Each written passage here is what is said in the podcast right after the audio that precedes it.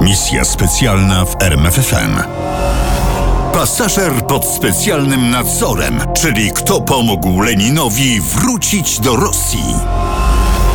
Z końcem sierpnia 1916 roku zaczął się trzeci rok I wojny światowej. Nic nie zapowiadało końca awantury, która według prognoz sztabowych miała trwać zaledwie kilka tygodni. Dlatego zmęczone wojną państwa zaczęły chwytać się różnych sposobów, aby tylko zwyciężyć nieprzyjaciela. Tymczasem nie dały zwycięstwa ani gazy bojowe, ani czołgi i aeroplany. Należało odwołać się do innych metod. Niemcy, jak przystało na rodaków Heinricha Schielmana, przypomnieli sobie skuteczne rozstrzygnięcie wojny trojańskiej. Tym razem jednak rolę konia miał odegrać Rosjanin, niejaki Włodzimierz Ulianow, znany bardziej pod pseudonimem Lenin. Generał Max Hoffman mówił o tym planie tak.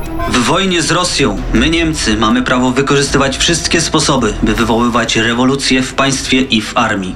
Lenin, myśliciel marksistowski opętany ideą budowy komunistycznego raju, od lutego 1916 roku mieszkał w Curychu.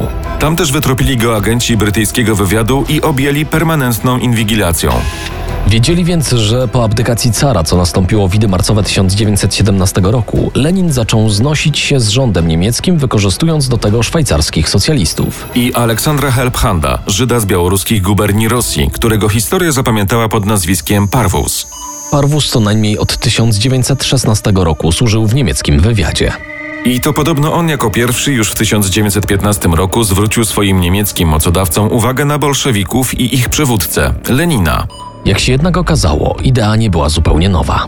Niemieckie Ministerstwo Spraw Zagranicznych już od września 1914 roku kontaktowało się z rosyjskimi emigrantami w Szwajcarii, głównie za pośrednictwem dyplomatów z neutralnych krajów Szwajcarii, Danii i Szwecji. Przykładano do tych rozmów olbrzymią wagę. 6 grudnia 1915 roku Brockdorf Rantzau, niemiecki dyplomata, pisał do kanclerza Rzeszy. Zwyciężymy, jeśli uda się na czas zrewolucjonizować Rosję i tym samym rozbić koalicję wrogich mocarstw.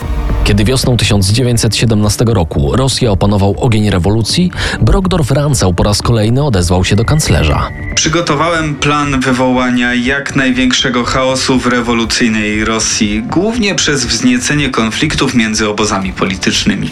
Kanclerz długo się wahał, ale w końcu wydał zgodę. I wtedy Parwus znów przypomniał Lenina. Przedstawił go jako jedynego człowieka, który może podpalić Rosję. Trzeba go było tylko tam dostarczyć. Zaproponowano więc rosyjskim rewolucjonistom w Szwajcarii podróż powrotną przez Niemcy.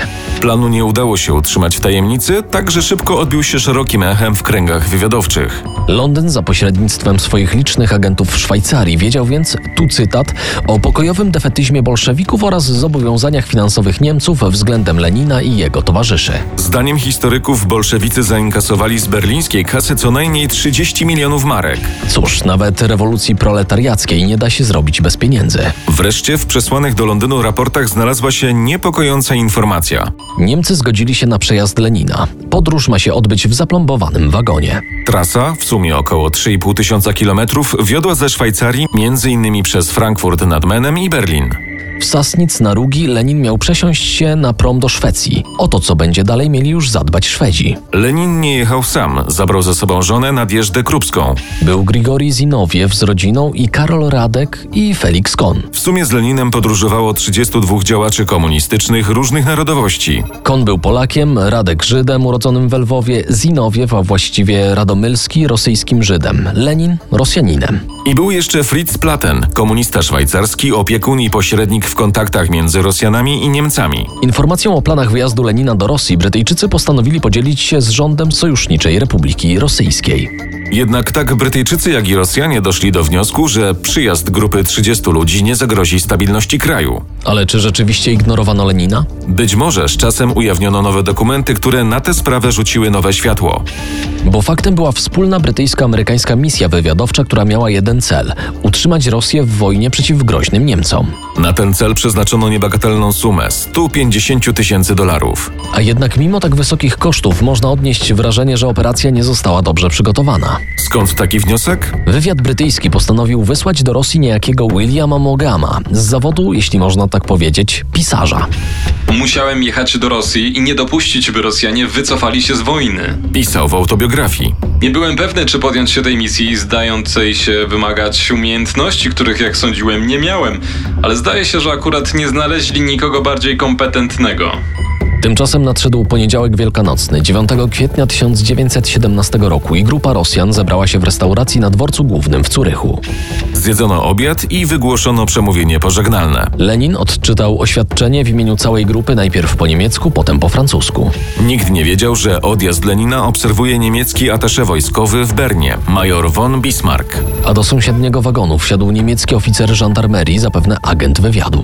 Wyjechali z 15-minutowym opóźnieniem. Na granicy szwajcarsko-niemieckiej przesiedli się do nowego wagonu. Wagon miał boczny korytarz, na każdym końcu znajdowała się toaleta. W wagonie były trzy przedziały drugiej klasy i pięć przedziałów trzeciej klasy. Lenin i jego żona otrzymali jeden przedział drugiej klasy, dwa pozostałe zajęły rodziny z dziećmi. Pozostali pasażerowie zostali rozmieszczeni w czterech przedziałach trzeciej klasy. Niemiecka eskorta zajęła ostatni przedział trzeciej klasy. W korytarzu pomiędzy rosyjską i niemiecką częścią narysowano kredą linię, której nie wolno było przekraczać ani Niemcom, ani Rosjanom. Wyjątkiem był Szwajcar Fritz Platen i to za jego pośrednictwem Lenin kontaktował się z Niemcami. Kiedy już wszyscy zajęli miejsca w przedziałach, zaplombowano drzwi w wagonie. Do użytku głównie dla Niemców pozostawiono ostatnie czwarte drzwi. Drugiego dnia podróży, we wtorek 10 kwietnia, w niemieckim MSZ zapanowała panika. Przypadkowo odkryto, że Rosjanie zapomnieli załatwić niezbędne formalności do podróży przez Szwecję. Nikt nie pomyślał o wizie tranzytowej. Został tylko jeden sposób, żeby to załatwić telegraf. Przez kilka godzin krążyły depesze pomiędzy przedstawicielstwami obu państw i powodzenie wyprawy wisiało na włosku. Sytuacja była poważna. Niemcom bardzo zależało na powodzeniu wyprawy Lenina i w MSZ zaczęto szukać innej, zastępczej drogi. Skończyło się na rozmowie z generalicją sztabu armii. Wojsko obiecało, że w razie potrzeby przemyci Lenina przez front. Ale jeszcze tego samego dnia przyszła odpowiedź ze Sztokholmu. Rząd szwedzki zezwolił na przejazd Lenina i jego bolszewików. Następnego dnia, 11 kwietnia, dowiedział się o całej akcji cesarz Wilhelm II. Nie miał co do niej żadnych zastrzeżeń. Inna rzecz, czy wierzył w jej powodzenie. A tymczasem pociąg z wielogodzinnym opóźnieniem dotoczył się do Berlina. I tu znów zaczęły się mieszać pozornie niezrozumiałe wydarzenia. Najpierw odczepiono wagon bolszewików i odstawiono na bocznicę. Potem pasażerów poinformowano, że w dalszą drogę ruszą dopiero następnego dnia. W rezultacie tych dyspozycji czekali na odjazd aż 20 godzin. Skąd tak długa przerwa w podróży? Catherine Merridale, brytyjska historyk, autorka książki Lenin w pociągu, odrzuciła wszelkie nie dające się zweryfikować źródła hipotezy. Nie chodziło więc wcale o tajne rozmowy z niemiecką generalicją. Nikt też nie zamierzał przekazywać Leninowi złota, którym niby później wódz miał sfinansować rewolucję. Powód był prozaiczny, jak najbardziej logiczny. Prom, na który mieli zdążyć pasażerowie pod specjalnym nadzorem, odpłynął z Rugi zgodnie z planem. Opóźnienia miał natomiast pociąg. A ponieważ prom do Szwecji kursował tylko raz dziennie, należało czekać do następnego dnia. No dobrze, zapyta ktoś, ale dlaczego Lenina nie zakwaterowano w hotelu, tylko trzymano czwartą dobę z rzędu w dusznym wagonie? Na tak postawione pytanie odpowiedziała również Catherine Merridale. Niemcom łatwiej było pilnować podróżnych w wagonie niż w hotelu.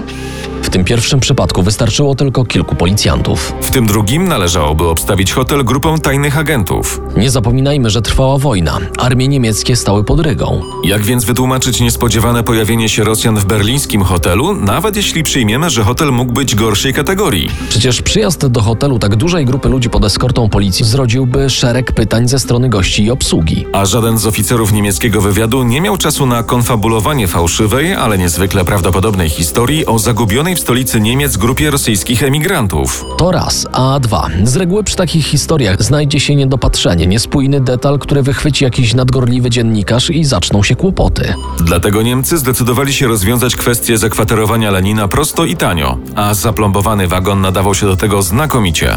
Natomiast na luksus pobytu w hotelu mogli sobie bolszewicy pozwolić dopiero w neutralnej Szwecji.